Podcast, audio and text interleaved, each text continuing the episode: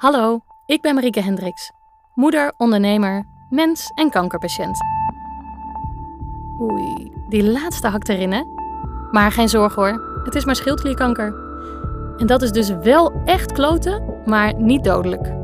Je hoort in deze podcast alle tegenstrijdigheden, mijn te maken keuzes, mijn twijfels en uiteraard ook mijn positieve kijk op dit alles. Opgenomen van mijn twee jongens. Maar aangezien het een zeldzame vorm van kanker is, wellicht ook prettig om te luisteren als je zelf mee te maken hebt. Of gewoon omdat je me wil steunen. Mama heeft ouw. Laten we hopen dat het maar een korte podcastserie is.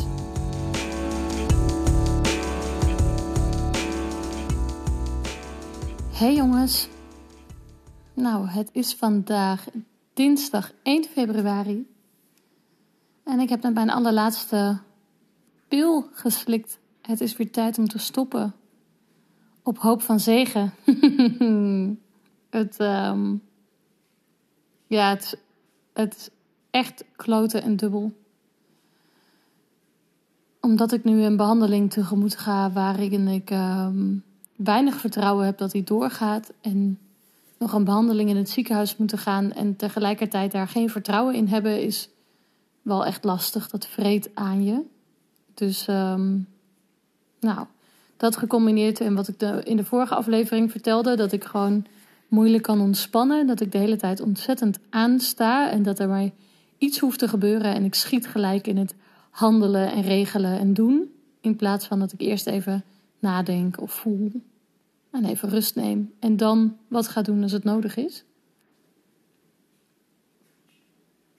Dus um, het zijn intense dagen.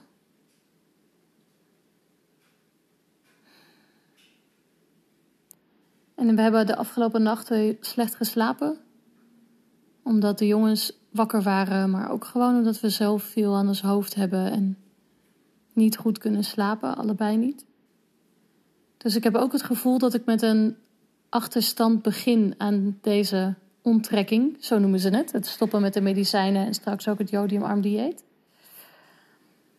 Dus um, ja, dat voelt wel een beetje spannend. Dat ik maar heel hard hoop dat het weer net zo oké gaat als de vorige keer. Ik bedoel, het is niet leuk. Was de vorige keer ook echt niet leuk. Maar dat het in ieder geval nog te doen blijft. Hm. En niet dat ik echt alleen maar op bed kan liggen alle dagen. Want die verhalen hoor ik ook, helaas. Dus ja, zo beginnen we. Um, niet heel positief, niet vol vertrouwen. Niet vol vertrouwen in mezelf en ook niet in de afloop ervan. En uh, misschien is dat een, uh, een goed teken dat ik eens een keer geen vertrouwen heb en dat het dan dus wel doorgaat of zo. ja, we zullen zien. De tijd zal het leren. Ik ben vandaag wel naar de praktijkondersteuner geweest van de huisarts. En dat was op zich een aardige vrouw. En ik heb bij haar ook om hulp gevraagd. Om het feit dat ik dus niet goed kan ontspannen en genieten. En gevraagd of ze me erbij kan helpen om dat te oefenen. Of dat ik daar wat perspectief op krijg. Dus dat is wel fijn. Eigenlijk zouden Dolf en ik uh, wat leuks gaan doen dit weekend.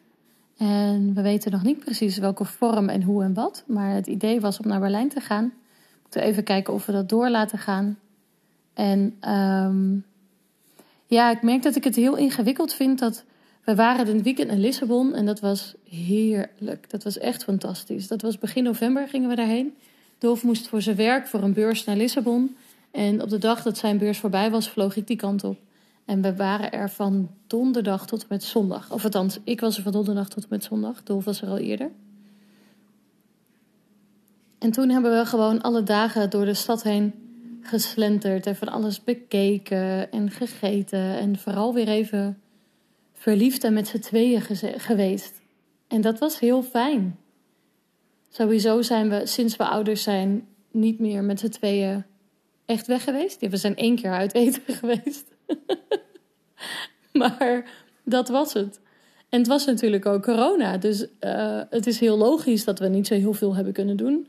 En daarnaast was het de afgelopen periode ook gewoon veel gedoe. Dus we zijn wel eens een avondje alleen geweest, maar dan lagen we gewoon voor apengapen Netflix op de bank te kijken en dan uh, om, uh, om acht uur naar bed. Maar um, ja, dat weekend Lissabon, dat was zo ontzettend fijn en we voelden ons gewoon weer onszelf. Gewoon de verliefde Dolf en Marieke samen in plaats van de papa en de mama of de kankerpatiënt en de, ja, ik weet niet of je de partner mantelzorger mag noemen, maar in ieder geval uh, de partner van. En we hadden even helemaal geen gedoe en we gingen ook uit eten met een collega van Dolf daar. We hebben gewoon een hele leuke, hele gezellige avond gehad en we hebben er totaal niet over gesproken. En dat was wel heel fijn. Ik weet nog helemaal in het begin, toen ik net hoorde dat ik kanker heb, toen ben ik naar de kapper gegaan. En toen had ik een. Uh, ik weet dat ik in een eerdere aflevering eens over mijn kapper gesproken heb, maar toen was er iemand anders die mij knipte. Een van de andere dames uit de salon. En toen heb ik het er ook niet over gehad. En ik weet nog dat ik het toen heel, heel, heel ingewikkeld vond. Want op dat moment was alles kanker voor mij. En um, ik was daar hele dagen mee bezig en druk mee. En terwijl ik in de stoel zat, zij was even iemand, iemands anders haar aan het wassen, werd ik gebeld door de verzekeraar. En hebben we nog heel erg gesproken over of ik een vakantiehuisje wel of niet vergoed zou krijgen. Nou, dat, uh, daar konden ze dan niet aan beginnen, zei de verzekeraar. Het was ook een beetje een knullig gesprek. Maar ook toen heb ik er verder niet over gesproken met degene die mijn haar knipte. En ik knalde bijna uit elkaar, joh. Ik vond het zo lastig, maar ik wilde het ook heel graag uitproberen met hoe kan ik het daar ook niet over hebben. En toen in het begin was dat slopend en was dat echt lastig. Maar dat weekend in Lissabon was heerlijk om onszelf gewoon te zijn en weer even, ja, gewoon alleen maar Marieke te zijn. En niet ook mama of ook patiënt of ook uh, vol zorgen of whatever. Dus dat was heel bijzonder en dat was heel fijn. En kort daarna kwam de tweede operatie. Alleen nu, als we wel gaan, komend weekend, dan heb ik geen medicijnen. En dan ben ik dus niet mezelf, want dan heb ik veel minder energie. En natuurlijk kunnen we net doen alsof er niks aan de hand is. En kunnen we gewoon heerlijk samen met z'n tweetjes hand in hand rondlopen. En lekker naar een hotel of wat eten. Het kan allemaal wel. Maar we kunnen niet een hele dag door de stad heen lopen. Wat ik heerlijk vind om te doen. We kunnen wel naar een museum, maar we kunnen niet en naar Checkpoint Charlie en naar een museum en lekker uit eten. Want dat zijn dan echt te veel prikkels voor me. Of althans, de vorige keer was het zo. Misschien hebben we hartstikke geluk en ben ik dit weekend helemaal niet moe. Weet je, dat kan. Dat het wat later pas komt. Het voordeel is natuurlijk ook dat we geen kinderen bij ons hebben, dus dat we heel veel kunnen slapen. Maar ja, ja. Ik wil al jaren naar Berlijn en dan voelt het ook stom om dat weekend daarheen te gaan en te gaan slapen. Dat kan ook dichter bij huis. maar ja, daar had ik het dus ook over met de praktijkondersteuner. Van ja, hoe. Um, op het einde vroeg ze: heb je nog een laatste vraag? Toen zei ik: ja, dit is hem. Hoe ga ik dat doen? Op Lissabon was het fantastisch. En als ik daaraan terugdenk, dan kan ik daar ook echt heel verdrietig van worden. Ik heb het er met Dolf over gehad, dan moet ik huilen. Ik had het er vanmiddag met de praktijkondersteuner over en dan emotioneert het me ook. Toen was het fantastisch en zo fijn. Gaat het gewoon, gaat het gewoon niet zijn komend weekend? Daar kunnen we hoog en laag over springen en kun je moeilijk over doen wat je wil. Maar ja, leuk hoor, al die zweverige mensen die dan dingen zeggen als ja, nou, hè, je moet het zo manifesteren en met een positieve mindset. Ja, dat klopt.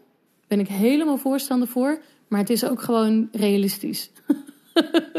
ik heb komend weekend gewoon niet zoveel energie als dat ik gewend ben van mezelf. En op een gegeven moment zei ik tegen haar van, goh, misschien zou het slim zijn. Hier komt hij, hè? Misschien zou het slim zijn als ik in plaats van ontzettend balen van wat me niet lukt, dat ik gewoon ga genieten van wat me wel lukt. En dat het dan een heel fijn weekend kan zijn. En dat ik eerlijk moet kijken naar mezelf, voor mezelf. Kan ik dit aan of kunnen we beter even rusten? Nou, zo slim. Ik weet het allemaal wel, maar om het te doen. Om het te doen, jongens. Dat is zo pittig. Er is zo'n lange periode geweest waarin alles maar de hele tijd in de stroomversnelling zat. In zo'n hoog tempo. Alle troep op ons afgestormd kwam en komt.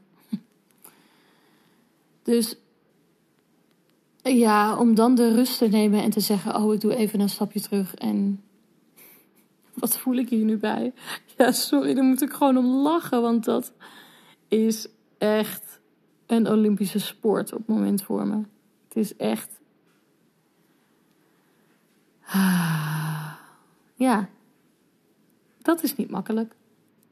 En dat mag ik gaan oefenen. En mede daarom ga ik naar de praktijkondersteuner, zodat we het erover kunnen hebben. En dat ik vaste momenten heb in de week of in de maand. Dat ik eraan herinnerd word. En dat ik weet, oh ja, dan en dan moet ik weer naar haar toe. Dus voor die tijd krijg ik dan wel weer elke keer die stok achter de deuren, die herinnering van, oh ja, dat wil ik graag, dat ga ik doen, ik ga het oefenen. Zodat we dan de volgende keer inhoudelijk weer wat over kunnen hebben. Dus, zo was de dag hier. En ik hou jullie op de hoogte over hoe het verder verloopt. En hopelijk krijg je een heel fijn, heerlijk verliefd berichtje over hoe fijn ons weekend was. En uh, dat we van zaterdag op zondag ergens heerlijk geslapen hebben. En uh, nou, dat het leuk was.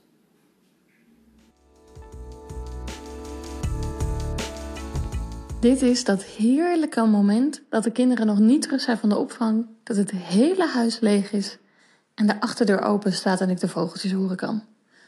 Dat nog even alles rustig is voordat zo meteen, nou niet de hel losbreekt, maar in ieder geval wel heel veel kabaal in huis komt.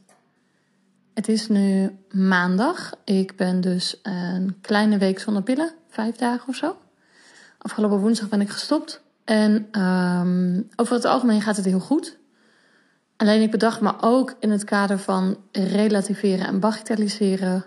Ik zal je ook even vertellen wat voor rekening ik dus hou met, met mezelf, zeg maar, met mijn energie. Ik had vandaag, afgelopen nacht hadden we een slechte nacht. Jelle was vaak wakker, Sietse was nog lang wakker. Dus Dolf is er vaak uit geweest.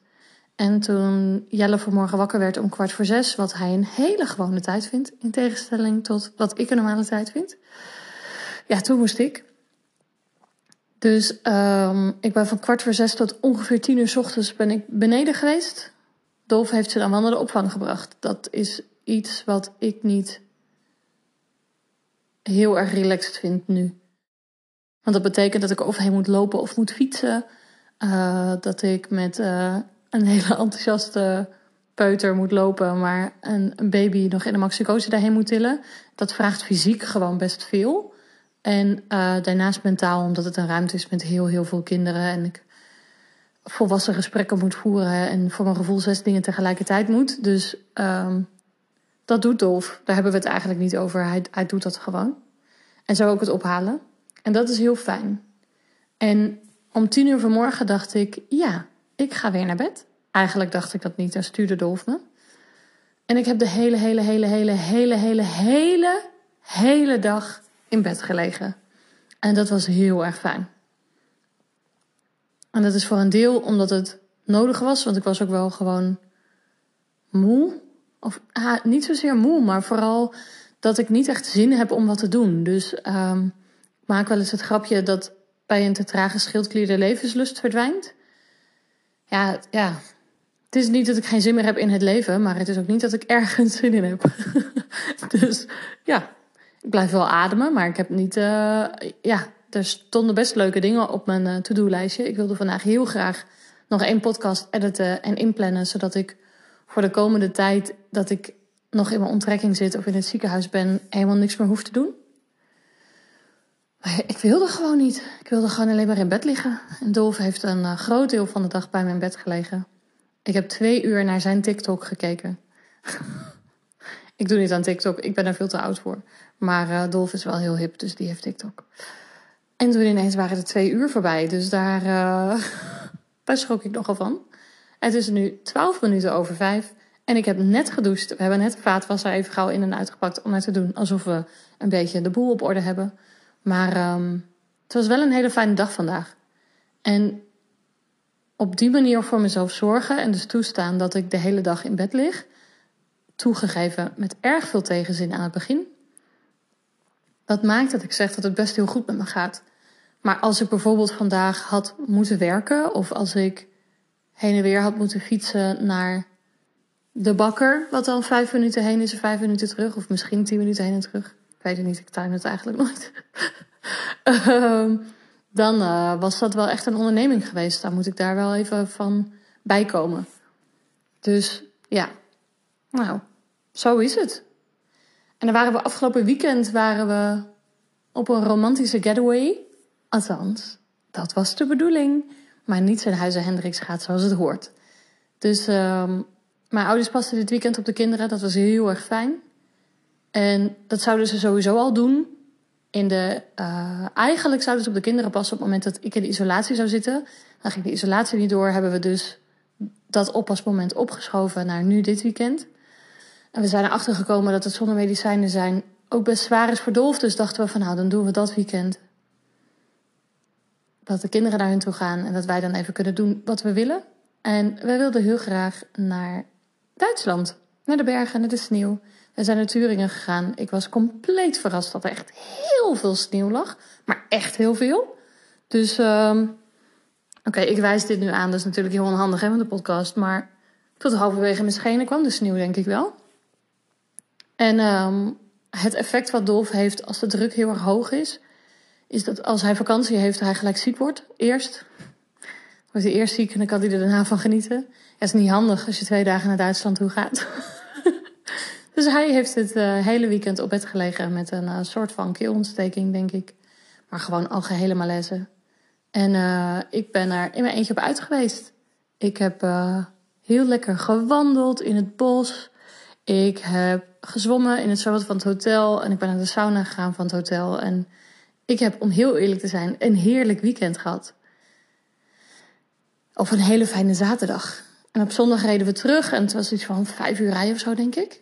En dat was wel heftig, want het regende vijf uur lang. En toen was ik het op een gegeven moment wel echt helemaal zat dat je dan op die snelweg rijdt van Duitsland, waar je heel hard kan. De hele tijd die regen tegen het raam en het hield me niet op en het hield me niet op. Ja, toen was ik wel, daar raakte ik heel erg uitgeput van. Terwijl als ik buiten in de natuur wandelde, dan ging het best heel goed. En nou, het was echt heel stijl. Het pad naar beneden en het pad omhoog. En het was een niet veel belopen wandelpad met heel veel sneeuw. Dus ik had verwacht dat het me veel meer energie zou kosten. Maar het in de auto zitten, dat. Um... Nee, dat was echt killing. Dus toen we zondagavond thuis kwamen, toen was ik ook echt even niks waard. Maar Dolf hij had de hele weg gereden terwijl hij eigenlijk ziek was. Dus hij was nog veel minder waard. Dus ja, het was uh, geen fijne nacht voor ons beiden niet. En uh, daarom moest ik er ook uit vanmorgen, want voor Dolf ging het ook echt niet meer. En hebben we dus de hele dag in bed gelegen vandaag. En dat was eigenlijk best heel fijn en gezellig. En ik heb gewoon even geslapen ook. Gezellig bij mijn man in zijn armen. Dus uh, dat is heel fijn. Ja, en een goede vriend van mij die, die stelde de laatste vraag. Dat vond ik wel een grappige. Of wij nog een beetje verliefd zijn, Dolf en ik. En ja, dat zijn we. Dat is zo'n vraag waar ik niet over na hoef te denken. Maar ik vond het wel grappig om te beseffen dat het eigenlijk heel bijzonder is. Met wat er allemaal gebeurd is. En de gigantische druk die er op ons ligt. Door zijn werk of door nou ja, de ziekte en de onzekerheid en de superstomme dingen waarom alle leuke dingen telkens maar niet doorgaan. En toch hebben we reageren niet op elkaar af of zo. En we hebben natuurlijk wel onze chagrijnige momenten dat we ons even afreageren op die ander.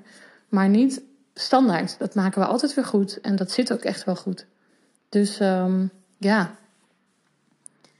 Communication is key. Zo ook hierbij. Dus dat is heel erg fijn.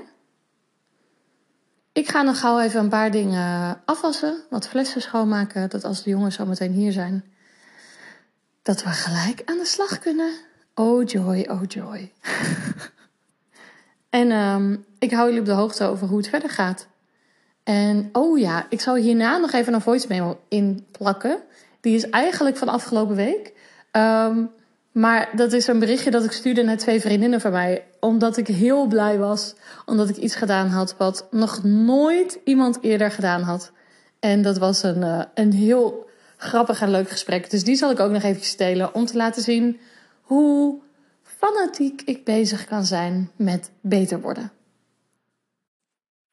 Of nou ja, met beter worden. Vooral met het in de lead willen zijn en niet mijn lot laten afhangen van andere mensen.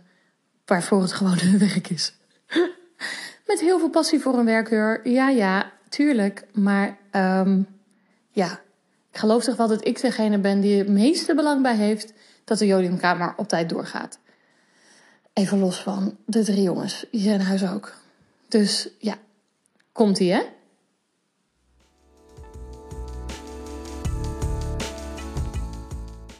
Mijn humeur is zojuist 600% toegenomen. Ik heb namelijk de toeleverancier van de medicijnen gebeld. En uh, er was namelijk een artikeltje verschenen dat er een kernreactor stil lag. En dus dat de levering van de jodiumpil die ik moet hebben nog verder vertraagd gaat worden. Dus ik was niet zo heel happy toen ik die doorgestuurd kreeg. En ik heb net dus met GE gebeld. En die meneer die zei: uh, Mag ik u vragen hoe u bij ons telefoonnummer gekomen bent. Want u bent de eerste patiënt ooit die ons direct gebeld heeft. Mag ik dat als een compliment beschouwen? Ja, natuurlijk, mevrouw. Dus daar konden we allebei erg hard om lachen. Maar het wordt gewoon geleverd en op tijd. Woep woep.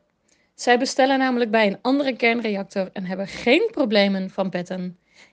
Yes!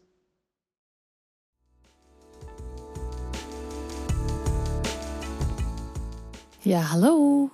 Het is nu donderdag. En ik ben dus iets langer dan een week van de medicijnen af. En um, ik voel me nu eigenlijk wel goed. En dat is grappig, want ik had vanmorgen een heel zielig bericht op Instagram gezet. Dat ik me helemaal niet goed voelde. Dus zo snel kan het gaan. Ik ben erachter. Um, ik ben nu buiten even een rondje aan het wandelen. En toen realiseerde ik me dat het elke dag echt moeilijk opstarten is. Dat het begin van de dag, dat de ochtenden echt heel zwaar zijn. En, um, maar ook een beetje verneukeratief zijn. Want vandaag ging ik er om eh, 11 uur uit of zo, denk ik. Ik weet niet meer zo goed. Dolf appte op een gegeven moment met... Hey, zullen we even ruilen? dus toen ging ik naar beneden naar de kinderen en ging hij even in bed. En je weet het wel, vroeger als je dan een hele oude televisie had... dan zette je hem aan... En dan duurde het gewoon even voordat het beeld kwam.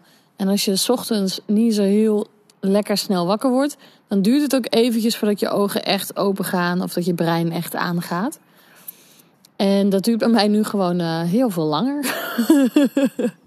duurt echt heel lang voordat ik een fatsoenlijke zin kan, kan maken zonder dat ik overkom alsof ik heel erg chagrijnig ben. En um, ja, voordat er ook maar iets van levenslust uh, afstraalt. Daarvoor uh, zuig ik het uit de hele ruimte als een echte dementor. Maar, dus zo zijn de ochtenden. Sorry, schatje. um, maar nu is het middag. Ik heb een, een fijn gesprek gehad met de praktijkondersteuner net. voorlopig ook de laatste, want het is echt hun verdienmodel om je zo snel mogelijk weer de deur uit te zetten. En ze wil me heus echt wel helpen hoor. Maar ze zei wel van, oh nou, nou het klinkt wel alsof je het goed voor elkaar hebt. En uh, als je me nog nodig hebt, kun je een, een afspraak plannen via de, via de secretaresse. Maar ja, nee, het klinkt eigenlijk wel goed. Dus, nou ja, um, ik ben nog wel benieuwd hoe, hoe ik het straks ga doen allemaal. Met het werken en het herstellen en die balans. Um, maar ze heeft de volste vertrouwen dat ik dan wel aan de bel trek als het nodig is. preventie zit er niet in. Maar goed, het maakt er niet uit. We komen er wel uit. Ik uh, ben oud en wijs genoeg om op tijd aan de bel te trekken bij, uh, bij wie dan ook. Maar zo is het nu dus. Ik um, ben gisteren nog bij een vriendin geweest om ook weer het vraagstuk neer te leggen wat ik de eerste keer bij de praktijkondersteuner had neergelegd. Hoe doe je dat nou? Ontspannen en genieten. En um, ja, er zijn eigenlijk wel hele mooie dingen gebeurd. Want ik ging bijna twee weken geleden ging ik naar de osteopaat. Of is het alweer drie weken geleden? Dat is denk ik alweer drie weken geleden. Toen merkte ik van jeetje, dat, dat ontspannen, dat heb ik echt al heel lang niet meer gedaan. En toen heb ik gelijk allerlei dingen in actie gezet. Zoals de praktijkondersteuner inschakelen. Uh, en wat de vriendinnen aan hun jasje getrokken en gezegd met... hey, kunnen we even in gesprekken, kunnen we daar eens over sparren en nadenken... over waar ik nu niet ontspan en hoe ik dat makkelijk zou in kunnen brengen. En een van die dingen is heel bewust tijd nemen voor mij, voor mij alleen. Of een keuze maken die ik wil, in plaats van nadenken over wat de kinderen zouden willen eten. Dat ik dan nadenk, wat wil ik bijvoorbeeld? En dat klinkt allemaal heel makkelijk, maar nou, ja, dat vind ik het dus echt niet. Want ik ben het gewend om alles en iedereen eerst te laten en dan heb ik dat laatste stukje wat over is. En nu is het dus heel bewust kiezen van nou, voor mij is het heel goed als ik ga wandelen. Dus dat heb ik nu. Dat ben ik nu aan het doen. Ik sta even stil bij een lantaarnpaal, zodat je niet de hele tijd die wind er doorheen hoort waaien.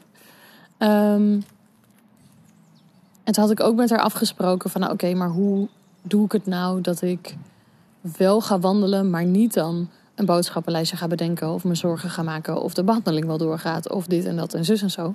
Dat je terugkomt thuis en dat je wel gewandeld hebt, maar nog steeds niet ontspannen.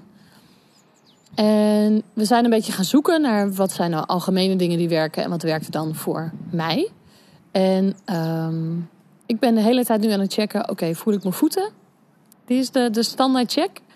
En um, ze zei ook van, ja, je kan ook dingen gaan tellen bijvoorbeeld. Met, uh, hey, een haas. Sorry, die komt hier nu echt voorbij. Die ben ik niet aan het tellen, want hij is helemaal alleen. Dus ik heb hem net wel geteld, maar... oké, dit is niet gescript. Het is echt waar. Er rent een haas voorbij. Uh, dus dat zou kunnen, dat je goed gaat kijken in de omgeving en dat je gaat tellen. Ik zie één haas, ik zie twee exters, ik zie drie bomen enzovoort. Maar wat beter bij mij past, is dan dat ik ga luisteren. Dus ik uh, ben op zoek naar vogelgeluiden. En als ik ze hoor, dan ga ik kijken met: oké, maar waar is het vogeltje dan? En zo heb ik een klein rondje wat ik loop om huis, uh, door een klein natuurgebiedje. En ik ga zo meteen naar de winkel om koekjes te halen. Want ik mag wel koekjes eten. Jee. Uh, want mijn jodiumarme dieet is ook begonnen. En daarin zit bijzonder weinig, maar koekjes mogen wel. Geen chocola. Dus um, ja, zo is de dag vandaag een beetje. Super moeizame start. Maar als ik dan helemaal ga, dan voel ik me nu ook redelijk mezelf eigenlijk. Wel een moeie zelf, maar best wel mezelf. En dat is heel erg fijn.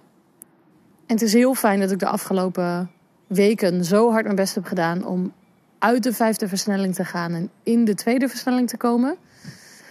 Omdat ik hiervoor echt met 80 km per uur de bebouwde kom heen scheurde.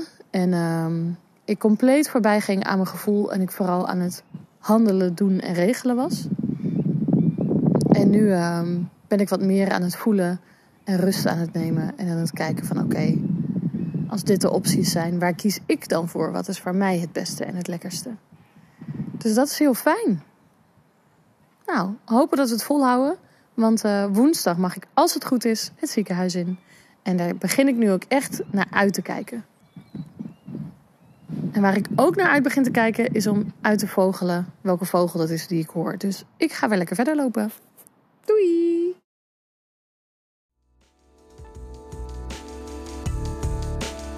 Hey jongens, het is nu uh, vrijdag op zaterdagnacht. Het is tien over half twee en het is kloten. ja.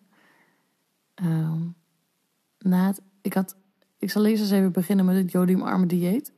Die heb ik dit keer best aardig in de vingers. Ik heb ook gewoon niet zo heel veel honger, dus dat maakt het wel makkelijk. Overdag eet ik zoutarm brood. Wat echt niet lekker is, maar wat wel gewoon prettig vult. En uh, daar heb ik meestal zoete op. Appelstroopjam, geen gewone hagelslag. Chocola mag niet, maar uh, fruithagel of anijshagel. En ja, ik heb aan één boterham genoeg, dus dan is het allemaal niet zo erg. Want ik heb ook gewoon niet zo heel veel honger. En ontbijtkoek kan. En um, als ik één of twee maiswafels eet, dan is dat ook nog goed. Maar die zijn met zeezout, dus daar moet ik wel mee uitkijken. Maar ja, ze wegen ook helemaal niks, dus dat tikt ook niet zo hard aan. En als avondeten had ik ongezouten pasta met saus.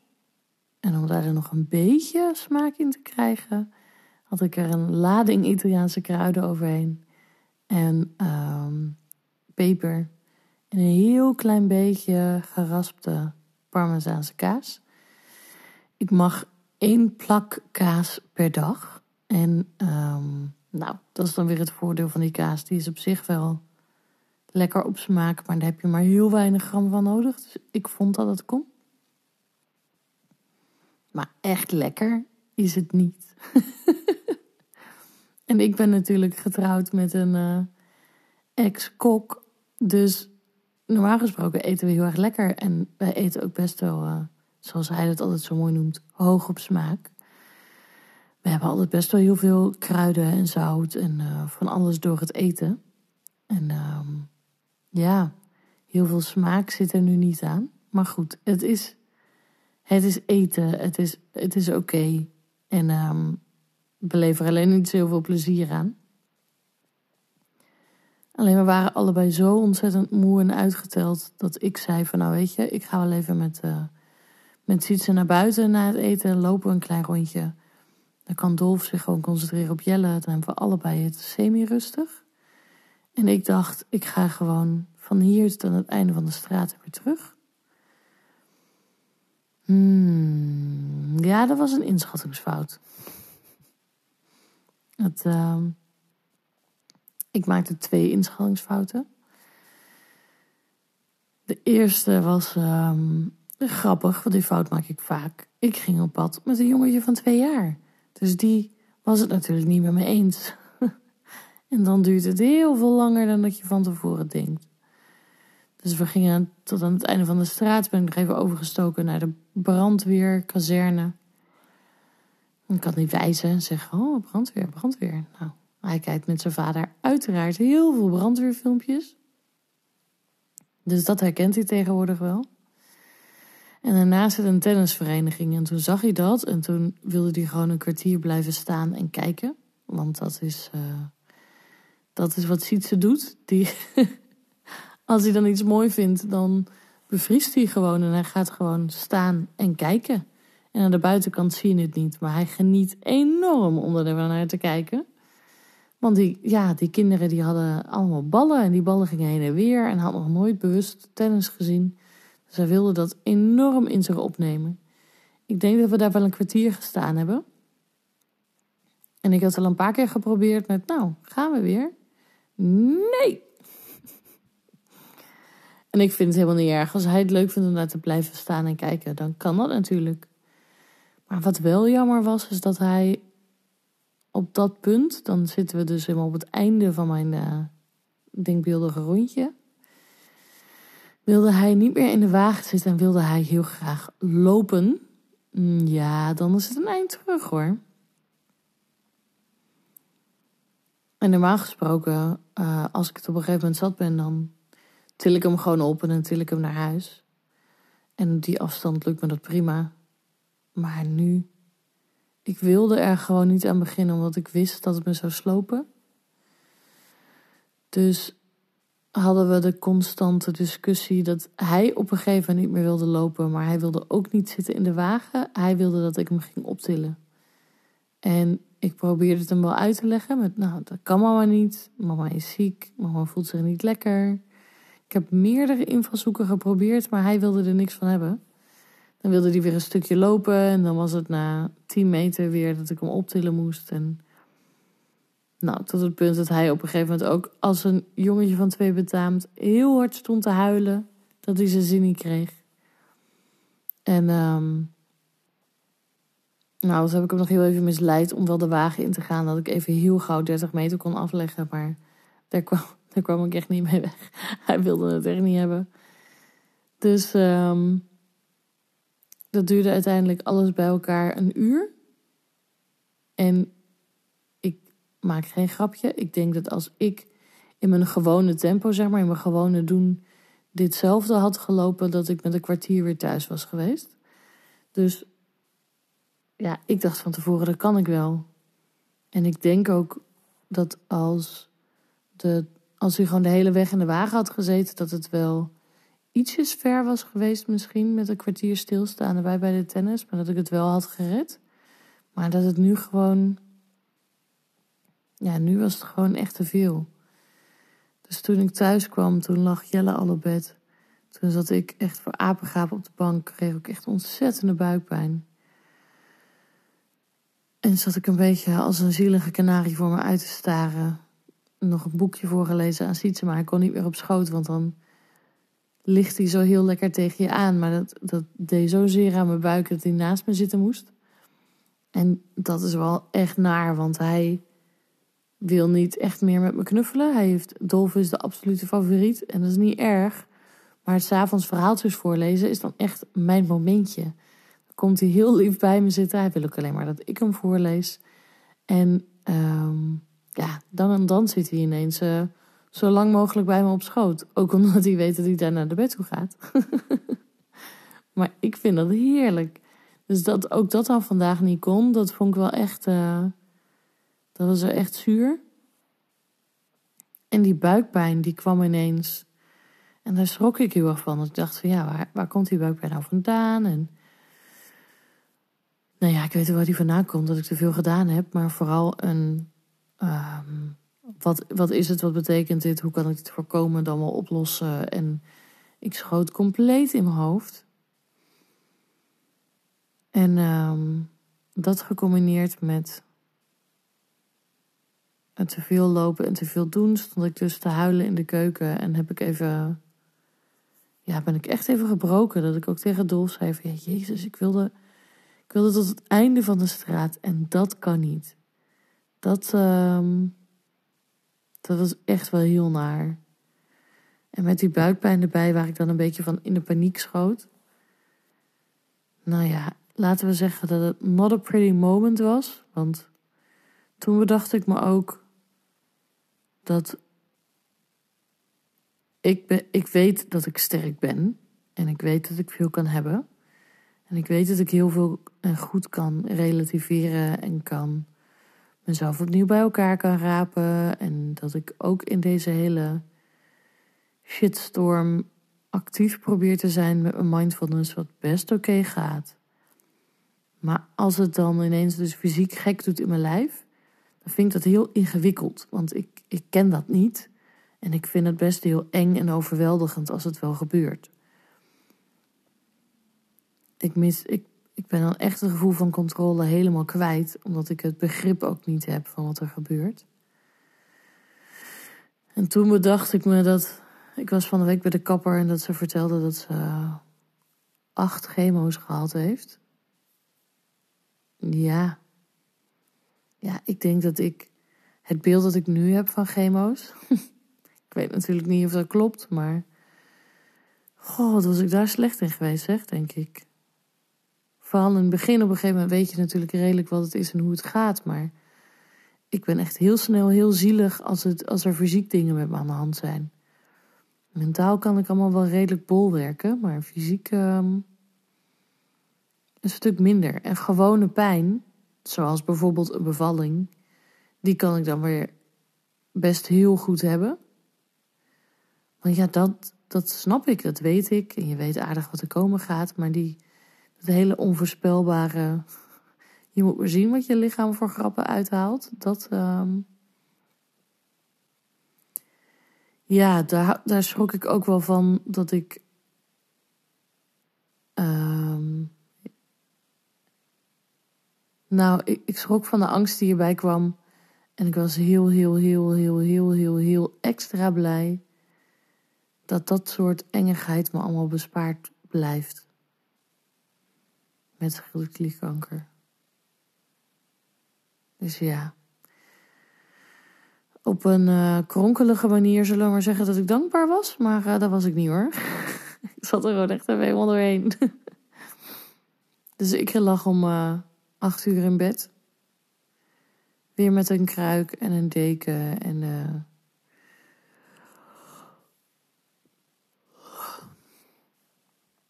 en keelpijn. En twee paracetamolletjes erin. Omdat ik dacht van nou, laten we het maar gewoon even verdoven de pijn. En, uh, En lekker proberen te slapen.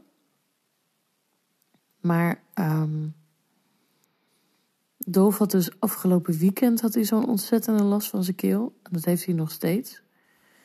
En je merkt gewoon dat hij eigenlijk maar op één kant kan slapen, omdat zijn keel nog te dik zit en hij anders geen adem krijgt. En dat is precies mijn kant op dus. Dus hij snurkt mijn kant op de hele tijd. En um, ik kan. Mijn oplossing daarvoor is noise cancelling headphones. Maar daarmee kan ik alleen maar op mijn rug liggen.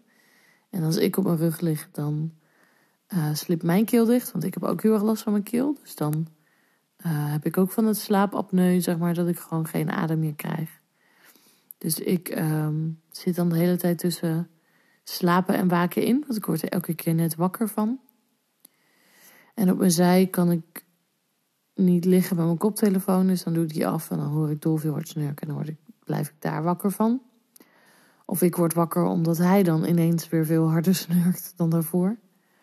Dus dat is echt, dat is gewoon niet te doen. En nu ik dit voor jullie opneem, bedenk ik me, oh ja, we zouden van kant ruilen. Omdat hij dan beter kan slapen en ik waarschijnlijk ook, maar daar heb ik net niet meer aan gedacht. Dus um, ik lig nu op de bank en ik voel me echt beroerd. En het weekend moet nog beginnen. En um, ik wil Sietse en Jelle helemaal niet uitspelen of uitlogeren sturen. Want ik moet ze zometeen drie weken missen.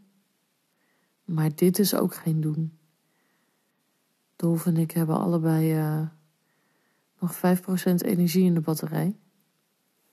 En dat uh, piekt sporadisch naar 10%. Maar ik merk al wel dat wat ik kan is op de bank zitten of in bed liggen, Netflix kijken en uh, of een boekje lezen. Maar ja, dat is het eigenlijk wel.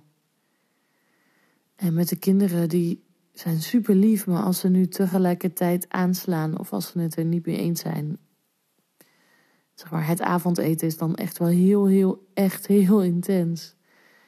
En um, ja, ik kan niet de hele dag de kinderen optillen, luiers verschonen, dat soort dingen doen. En voor Dolf is twee spelende kinderen de hele dag nu ook gewoon uh, ontzettend overweldigend en, uh, en veel. Dus ja. De jongens vinden het fantastisch hoor. Die vinden het alleen maar hartstikke leuk. Maar ik heb opa en oma gevraagd of ze daar morgenavond kunnen slapen. En uh, dat we ze er het einde van de middag brengen en op zondag weer ophalen. Want ja, hier moet eventjes de druk van de ketel. En uh,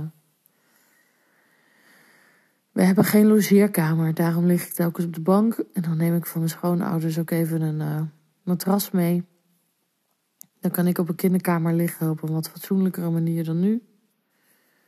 En dan uh, kunnen we allebei een beetje slapen. Hopen dat we zondag dan dus misschien 10% batterij hebben, allebei. Met piekjes naar 12. of misschien zelfs 15 als we gek doen. Maar um, ik heb daar om eerlijk te zijn niet zo'n uh, hoop naar. En dat is oké, weet je. Als ik gewoon ik heb er vrede mee. Het is maar goed genoeg dat ik op de bank zit en Netflix kijk en niet meer kan dan dat. Daar heb ik echt, dat vind ja, ik vind het wel irritant, maar ik vind het niet erg. Want het is tijdelijk en ik ben woensdag aan de beurt. En ja, weet je, ja. Wie dubt me wat, zoals ze hier in Twente zeggen. Ja, ach, wie dubt me wat? Mijn kinderen dus. Mijn hemel en ons gesnurk en tot het lopen van het einde van de straat. Het is wel intens hoor. Het is echt. Um, het is echt weer. Het is opnieuw een achtbaan, maar deze gaat maar 5 km per uur. Want alles gaat traag. Ik belde vanmiddag met een vriendin en die zei: Je praat zelfs langzaam.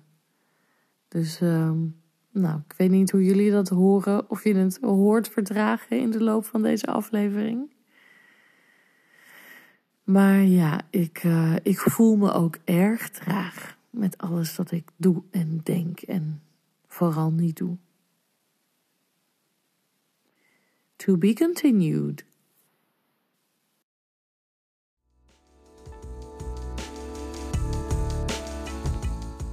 Goedemorgen. Het is nu dinsdag.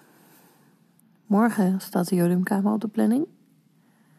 En uh, ik had hiervoor wat opgenomen dat we niet kunnen slapen omdat we zo'n last hebben van ons gesnurk en gedoe.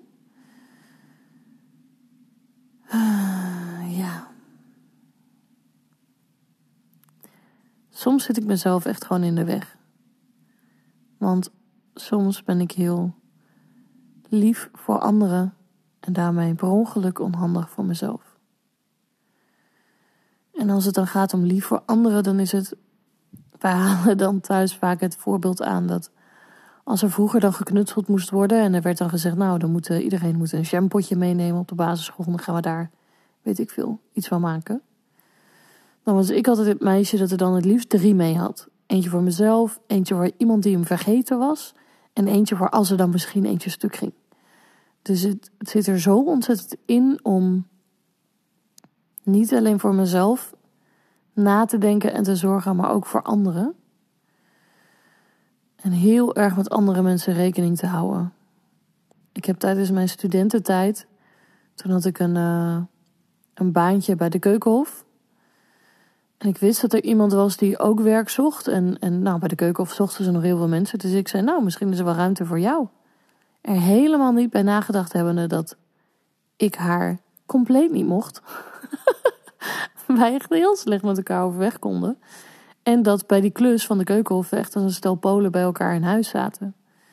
Dus zij kwam daar te werken en dat ging valikant mis. Ze had allemaal roddels over mij verspreid en gedoe. En, en dat, dat liep echt uit de klauwen. En ik sloeg mezelf toen zo voor de kop dat ik dacht: waarom heb ik tegen haar gezegd dat ze er kon komen werken? Ik had ook gewoon niks kunnen zeggen. En dat is wel vaker een rode draad. In mijn werk kon ik ook dingen zeggen van: goh, is je dat omdat wel eens tegen is opgevallen, moeten we dat eigenlijk wel doen? Waarmee ik mezelf in de vingers sneed als werknemer, maar ook als zelfstandige, dat er dus een klus niet doorging. En soms was het fijn voor die ander en maar meestal was het vooral gewoon echt heel erg kut voor mezelf. Nou, welkom in aflevering 100.000 van die les. Want um, we hadden dus last van onze keel. En ik dacht, weet je, laat ik gewoon een brave burger zijn en laat ik me even testen op maandag. En mijn klachten waren al wel over.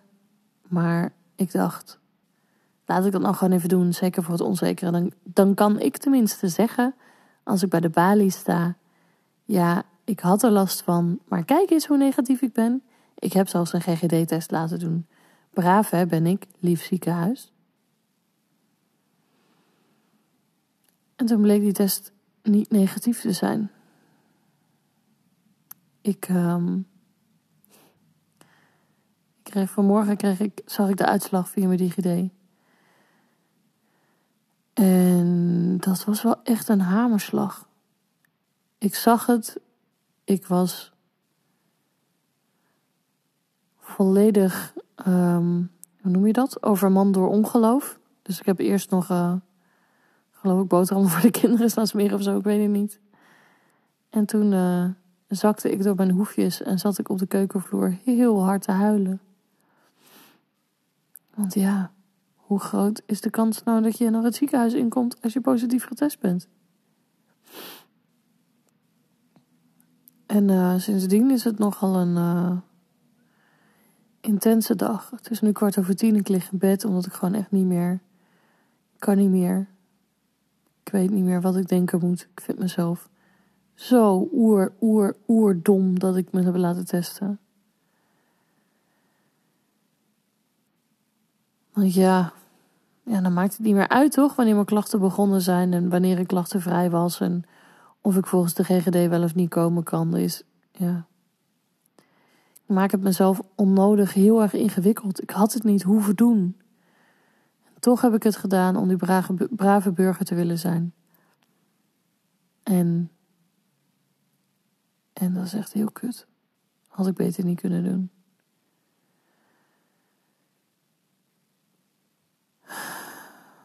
Als ik dat soort dingen doe, denk ik niet na over wat de gevolgen voor mezelf zijn. Ik denk alleen maar aan al die anderen. En dat is niet heel handig. En niet dat ik daarmee zeg dat je je niet moet laten testen als het je niet goed uitkomt hoor. Zo bedoel ik het allemaal niet. Je moet allemaal goed opletten met die corona's en helemaal in het ziekenhuis. Maar het was misschien wat verstandiger geweest om het anders aan te pakken dan wat ik heb gedaan.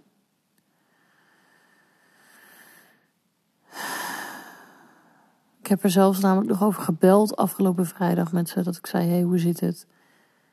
Ik heb niet echt klachten meer. Ze nemen nu al heel snel af. Hoe zitten jullie erin? En toen zei die vrouw nog lachend, ach joh, weet je. Loop wel los. Doe maar een zelftest als die negatief is dit weekend. Dan, uh, dan is het goed.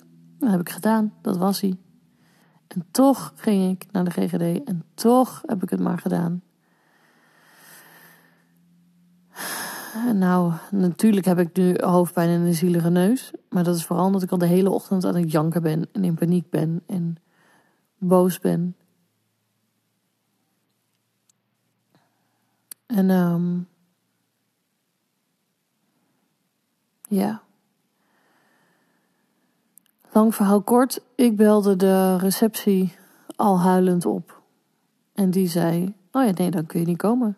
Ik kan wel even een nieuwe afspraak voor je plannen zei ze heel erg vrolijk. Nou, ik wilde er wat aan doen. Ik denk, godverdomme, snap je dan niet?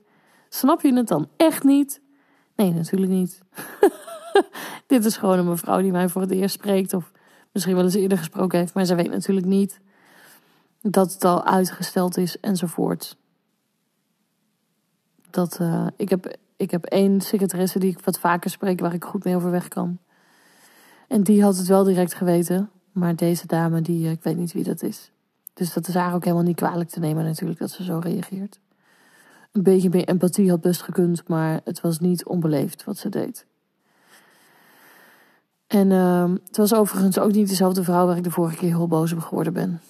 Dat dacht ik, maar dat is niet zo. Ik heb met haar nog van alles geprobeerd. Kan ik niet een betaalde PCR-test doen, want ik geloof het niet. Uh, kan ik niet dit, kan ik niet dat, kunnen we niet zo. En die uh, was niet genegen om daar ook maar iets in te doen. Wat begrijpelijk is, want die hoort gewoon positief en die zet een vinkje met, nou. Of die zet vooral een heel groot kruis door mijn naam. En, um, maar toen um, zat ik dus natuurlijk heel, uh, ja, om het in de chronologische volgorde te houden. Daarna was ik heel erg boos en heb ik heel hard, nou niet ges, ja wel een beetje geschreeuwd tegen naar Dolf. Niet dat ik boos was op hem, dat het zijn schuld was, maar ik wilde dolgraag een zelftest laten doen om te kijken of de zelftest dan ook weer negatief zou zijn of dat die nu wel positief zou worden. En op de een of andere manier had ik dat nodig. Ik weet niet zo goed wat het uitgehaald had, maar op dat moment moest dat. En Dolf vond dat niet nodig. En dan moest ik naar de winkel om te halen of naar de buren. En hij hield dat tegen. En toen knapte er iets. En toen was ik. Um, ja, toen was ik wel even een monoloog aan het houden van vijf minuten over hoe verschrikkelijk het is. En hoe lang dit al duurt. En dat alles elke keer buiten. volledig buiten mijn macht en controle. voor mij bepaald wordt. Door corona of door kanker of door andere mensen die dingen afzeggen of door, nou ja, zoals dat gaat. En um,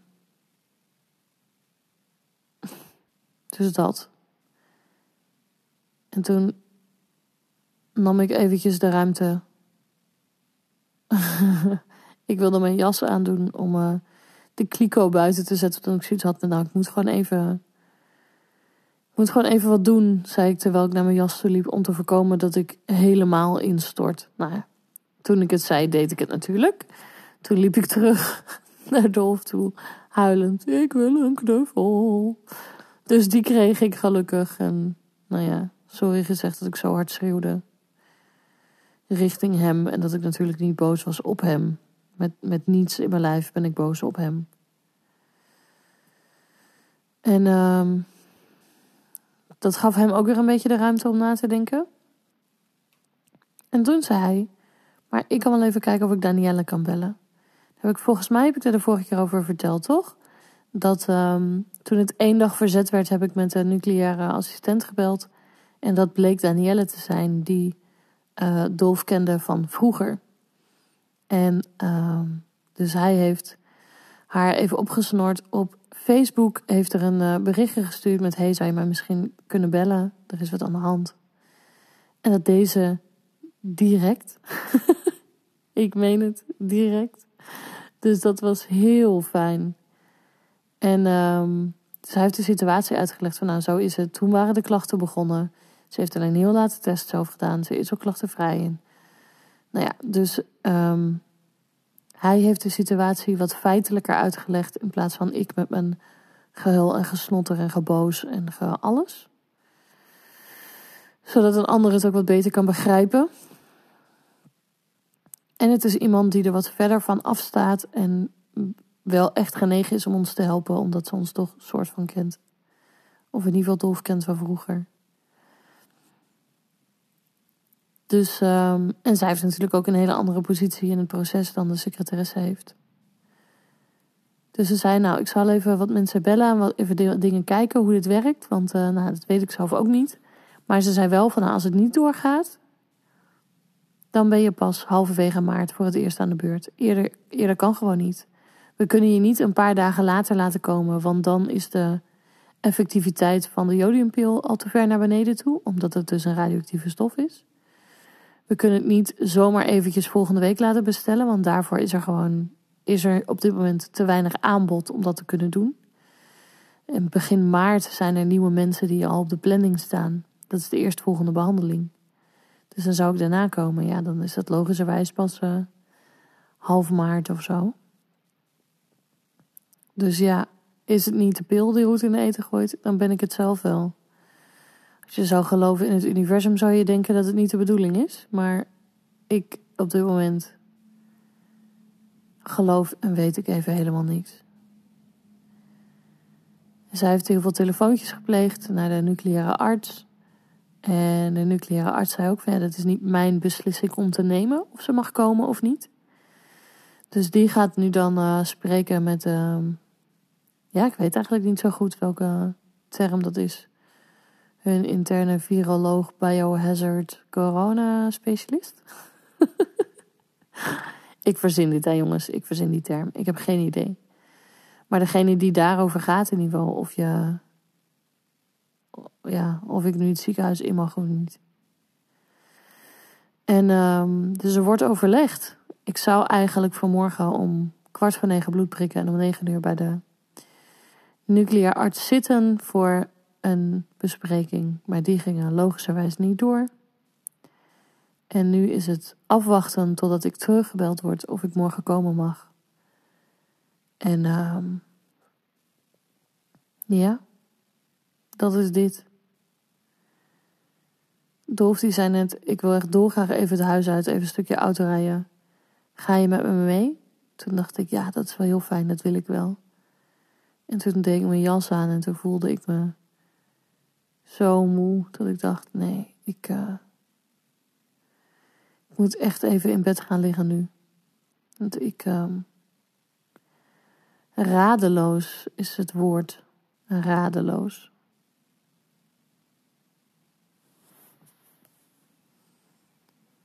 We zullen zien of de goden ons gunstig gezind zijn.